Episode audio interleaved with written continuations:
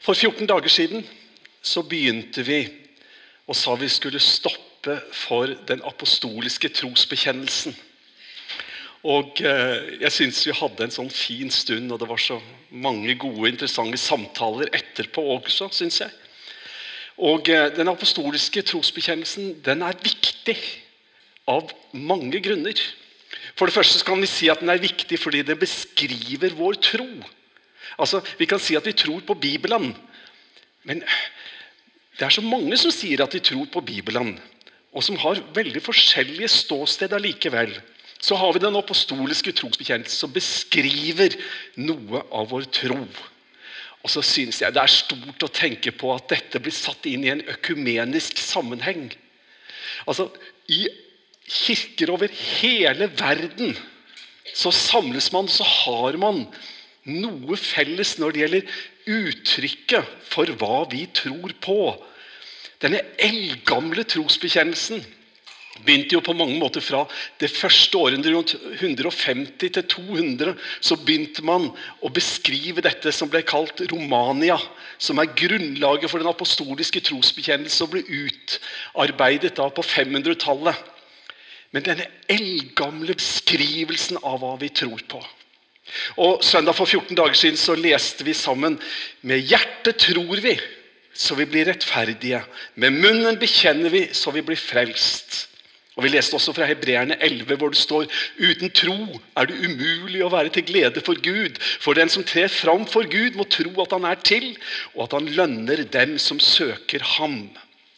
Og I den forbindelse så sa vi at når vi taler om den apostoliske trosbekjennelse, så kan vi jo tenke at det, er kanskje bare for de som er aller flinkest til å tro. Vi kan, vi kan, begynne å tenke på at det har noe med prestasjoner og hva vi får til. Og Så stoppa vi flytte opp dette i Hebreerbrevet kapittel 11 og sa at har du tro nok til å be? Har du tro nok til at du kommer til Gud og sier, 'Kjære Gud, om du finnes, så hør min bønn', så er bare det at du ber, er et uttrykk for tro. At det er ikke så vanskelig. Han står med åpne armer foran oss. Vi stoppa for 'Jeg tror på Gud Fader, den allmektige, himmelens og jordens skaper'. Og så begynte vi med de første ordene 'Jeg tror på Gud'. Og lenger enn det kom vi ikke for 14 dager siden. Så i dag skal vi stoppe for 'Jeg tror på Gud Fader'.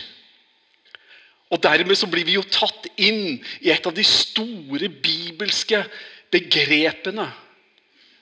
Tenk at vi får lov til å kalle den allmektige, evige Gud for far. Det er så grensesprengende. Dere, jeg håper sånn at jeg lykkes i formiddag. Altså, jeg, jeg, jeg, jeg, hadde sagt, jeg har nesten ikke fått sovet i natt. Det er jo en eh, nokså sterk overdrivelse. Men, men, men, når jeg la meg altså, jeg, følte at det, det sitra inni meg. Jeg var så begeistra. Da hadde jeg holdt på hele dagen og mye lenger enn det og jobba med disse tekstene. Og det er så enormt. Og jeg skulle så inderlig ønske at jeg hadde klart å formidle noe av denne storheten. Tenk at vi kan kalle han for far. Jeg skal ta utgangspunkt i Rombrevet kapittel 8. Hør her. Alle som drives av Guds ånd, er Guds barn. Dere har ikke fått den ånd som slavene har, så dere igjen skulle reddes. Nei, dere har fått ånden som gir rett til å være Guds barn. Den som gjør at vi roper 'Abba, far'. Ånden selv vitner sammen med vår ånd at vi er Guds barn. Men er vi barn, er vi også arvinger. Vi er Guds arvinger og Kristi medarvinger. Så sant vi lider med ham, så vi også skal få del i herligheten sammen med ham. Vi får se hvor langt vi kommer når det gjelder dette i dag. Jeg har ikke sagt noen ting om antallet samlinger vedrørende den apostoliske trosbekjennelse, men jeg tror det kommer til å bli mange. Men Vi skal se hvor langt vi kommer. Vi kommer helt sikkert neste søndag til å fortsette med å tale om Gud som vår far. Men dere, vi snakker om en kolossal forandring av status når det gjelder vår Guds relasjon. På mange måter, altså, Det at Ånden gir oss rett til å være Guds barn, det er på en måte Vi levde i mørket, atskilt fra Gud. Og så skjer det noe dramatisk, og så går vi fra mørke til lys. Og fra å være atskilt fra Gud, så er det ikke bare sånn at vi får liksom et lite gløtt inn. Men vi blir plassert så nære den allmektige Gud at det er bare ett ord som liksom bryter ut fra vårt hjerte. Og det er Abba, Fader. Det er den barnekårets ånd. Den ånd som gjør rolig i oss.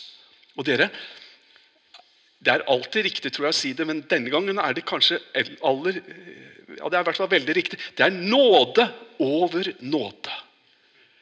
Tenk at jeg er et Guds barn. Og det er også veldig stort at du er det. Men jeg syns det er særlig stort. Tenk at jeg er det.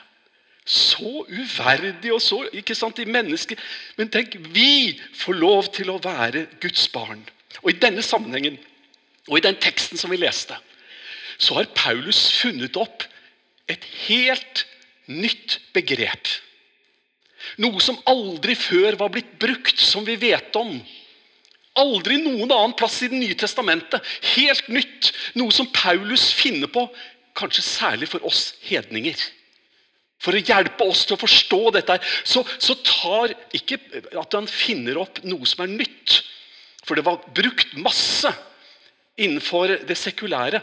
Men det har aldri før vært brukt i en kristen sammenheng. Så bestemmer Paulus seg for dette er, dette er på en måte en, en metafor. Altså et bilde, en illustrasjon, som passer rett inn i det som han ønska å bruke. Du kan finne spor av det i Det gamle testamentet. Men I Septuaginta, som er den greske oversettelsen av Det gamle testamentet, så står det ikke. Paulus bruker det fem ganger i hele Det nye testamentet. Og jeg hadde nær sagt that's it. Ingen andre bruker det. Og det er dette ordet her som man gjerne vil fortelle, som er huitesias. Det er det greske ordet. Brukes fem ganger, som jeg har sagt. Sender spor av det i Det gamle testamentet, kanskje i annen bosbok kapittel 4 og Jesajas kapittel 1. Det er de eneste to plassene jeg vet om. Kan være det er andre plasser som jeg ikke vet om. Og så er det jo spørsmålet hva er det Paulus har kommet på? Hva er det som er så spennende og så revolusjonerende med, med dette begrepet, denne metaforen? Og eh, Det er egentlig det som blir oversatt med at vi er Guds barn. Men det betyr egentlig ikke direkte det. Selv om innholdsmessig så er det, det, det, er, det er bare det det betyr. Men det betyr adoptert. Eh, barnekårets ånd på engelsk oversettes the, 'the spirit of adoption'. Det er det det betyr. Det er adopsjonens ånd, hvis vi skulle tatt det sånn Det blir jo dårlig norsk, da, men, men noe som noen av oss tenker at nei, men jeg, jeg husker en gang jeg hadde sagt det til noen som sa det. Jeg er ikke adoptert, jeg er født. Så forstår jeg hva de mener, og det er selvfølgelig ikke galt. Men Paulus han har funnet et bilde, en illustrasjon, for at vi skal kunne forstå. Og da kan det være interessant. Når Paulus velger et sånt begrep hva er det som Paulus vet at dette ordet betyr i datidens Romerike, som gjorde at dette formidla det som han ville at folka skulle forstå? Når han talte om det at vi har barnekårets ånd, dette at vi er Guds arvinger, det at vi kan kalle han far.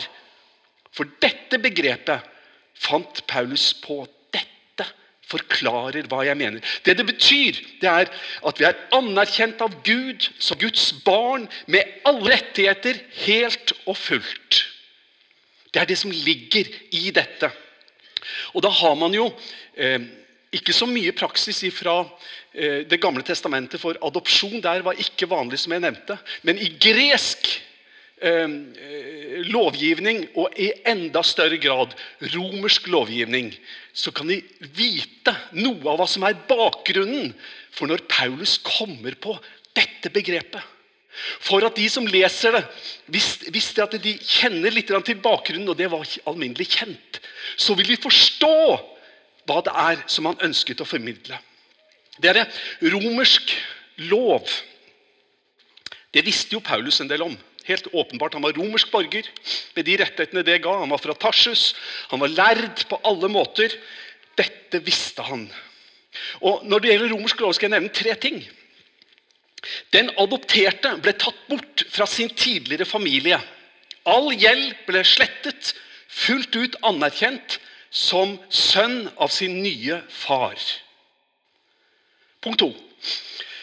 Den nye faren har samme autoritet som om den adopterte var hans biologiske sønn. Inkludert eiendomsrett til all eiendom og hans rett til å disiplinere ham. Det er ikke helt samsvar med norsk lov og romersk lov her, kanskje, men det er en annen sak.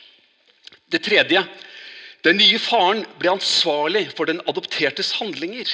Og de delte begge ansvar for hverandres tilværelse og velferd. Det er bakteppet når Paulus taler om at vi er adoptert inn til Gud, og vi kan kalle Gud vår far så er ikke dette en måte som Paulus finner på for å si at dere er ikke ordentlige barn, dere er bare adoptert. Langt ifra. De hadde bakgrunnen, de forsto hva Paulus formidla. Og her kommer Paulus og sier at når vi nå har gått fra mørke til lys, når vi nå kan kalle Gud vår far, så er det fordi vi er helt og fullt poda inn. Det er et totalt brudd med vår gamle familie. Det er en ny familie, det er en ny slekt. Og egentlig så ligger jo hele Paulus sin undervisning om den første og den siste Adam til grunn for forståelsen av disse bibeltekstene. Og Med den første og siste Adam så, så, så ligger jo hele forkynnelsen om at det er egentlig bare to mennesker som Gud ser. Misforstå meg rett. Gud ser to mennesker. Han ser den første Adam, som valgte ulydighet. Som snur ryggen til Gud og vender seg bort fra Gud og vil ha det sin måte. Og med han så falt vi alle sammen. Så kommer det det som Paulus kaller for den siste Adam, som er Jesus. Og endelig så er det en av oss, en av oss mennesker, menneskesønnen. Endelig så er det en av oss som sier nei til fristelser. Som sier nei til egoismen, til selvopphøyelsen, til selvforhergelsen. Alt dette. En som lever for andre, stråler ut kjærlighet og er lydig inntil døden, ja, korsets død. Så har menneskeslekten disse to. Første og siste Adam. Og så kan vi velge. I hvilken slekt tilhører vi? Hvem er faren vår? Er det den første eller den siste Adam? For som jeg nevnte, på en måte Gud ser to mennesker. Hvem skal Hvilken slekt tilhører vi?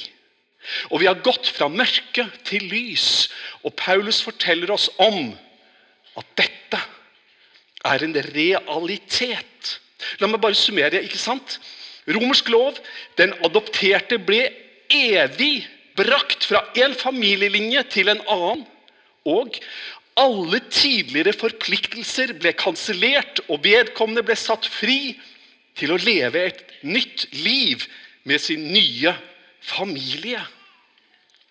Dere, Paulus han fant en metafor.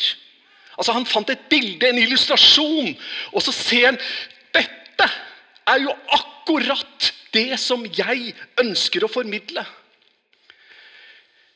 Han bruker det fem ganger. Og dere, Jeg håper sånn at ikke dere syns dette er kjedelig. Men dere, Paulus han fant fem tilfeller hvor han ønska å bruke dette greske ordet.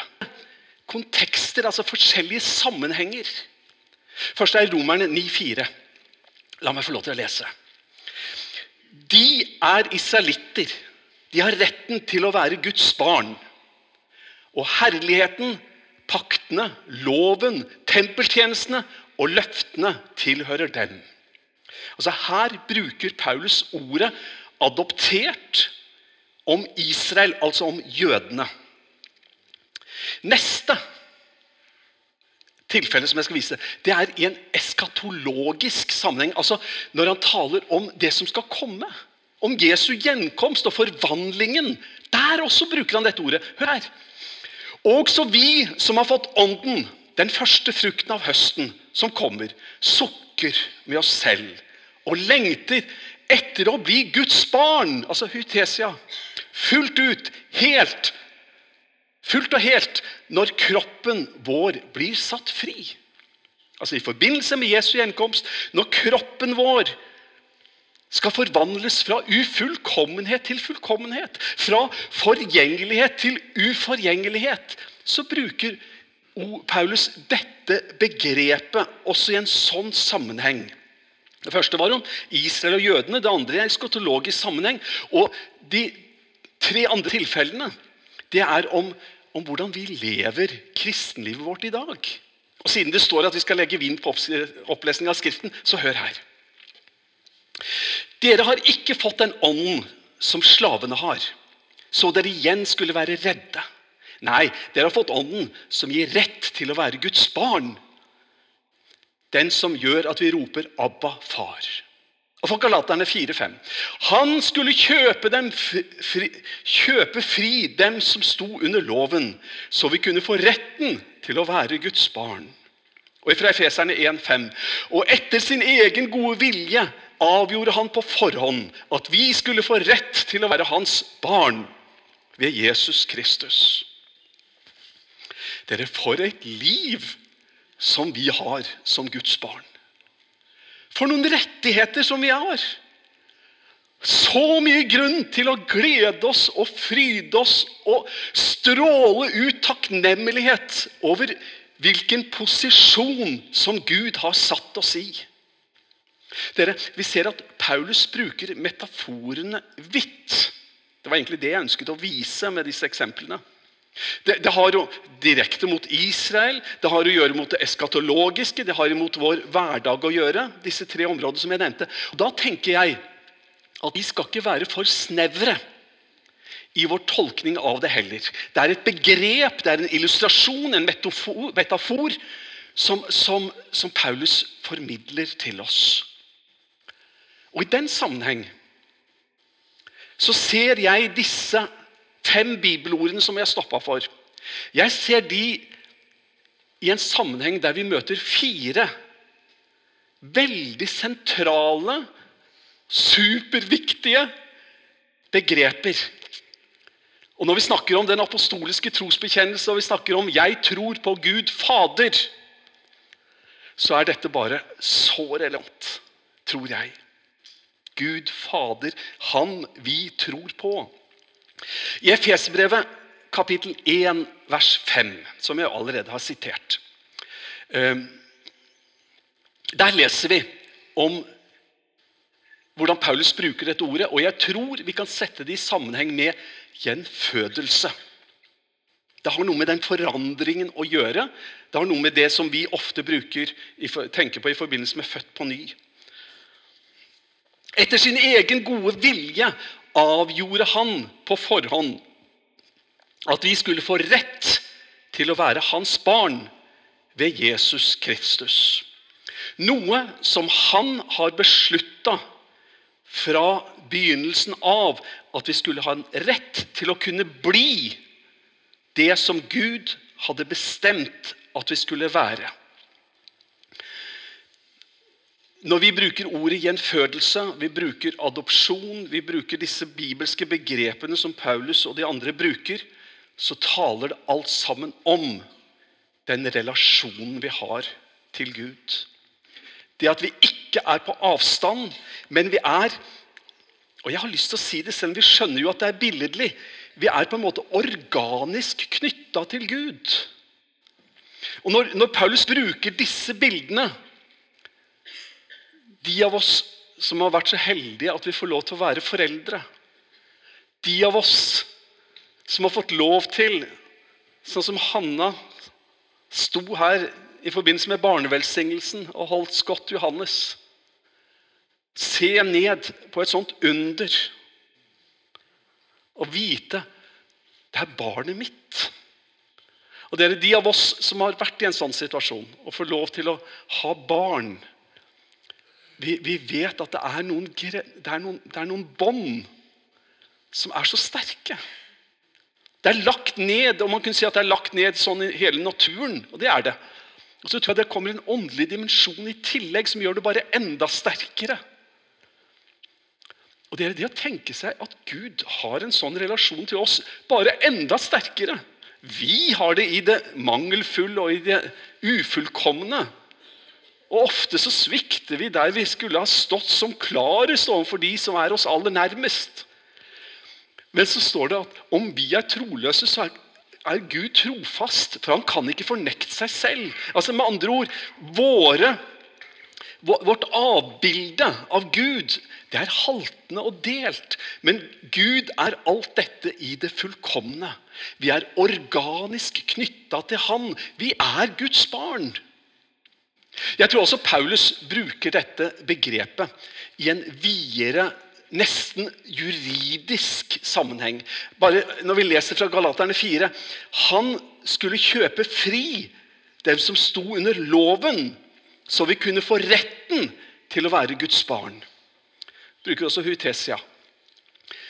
Og hele Paulus sitt argument, bl.a. i Romerne, når han drar oss inn og vi formelig, formelig føler vi sitter på en anklagebenk i en rettssal og For å gjøre det litt ekstra så kan jeg personifisere det og si at djevelen står der og leser ifra lovboka og roper 'skyldig, skyldig, skyldig'. Og Han kan lese opp, og har han fått notert alt det gærne vi har gjort, så kunne han bli veldig detaljert. Og vi sitter, og vi har ikke noe å si til vårt forsvar. Vi sitter der stille. Anklagene er der. Vi sitter taus. Og så reiser Gud seg, den rettferdige dommer. Og Det er forskjell på benåda og, og, og, og skyldfri. Visst er vi benåda. Alle vet det. Men, men, han sier ikke 'jeg benåder deg'. Han sier 'ikke skyldig'. Det er det Gud sier. Vi står innenfor Gud, og vi er tause overfor anklagene. Gud, den rettferdige dommer, reiser seg og sier, 'Ikke skyldig'. Og Det er fordi vi får lov til å kalle Gud vår far, og at vi er Guds barn. Vi er Guds arvinger, Kristi medarvinger. Det er fordi at Gud ser to mennesker. Han ser den første og den siste Adam, og vi er organisk knytta vi er satt inn, og vi er organisk knytta til Gud.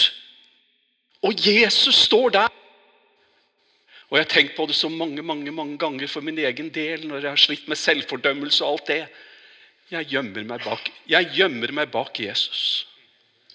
Og jeg vet det er barnslig, men det funker for meg. Og jeg tenker og jeg tror det av hele mitt hjerte. Jeg får lov til å skjule meg bak Han og det Gud, den rettferdige dommer, ser Jesu fullkommenhet. Og han er min representant. Han er min bror. Og så blir dommen ikke skyldig. Og det er nåde over nåde. Vi møter i helliggjørelse. Dere har ikke fått den ånden som slavene har, så dere igjen skulle være redde. Nei, dere har fått ånden som gir rett til å være Guds barn. Utesia. Den som gjør at vi roper 'Abba, far'. Du, gjenfødelse, rettferdiggjørelse, men helliggjørelse. Du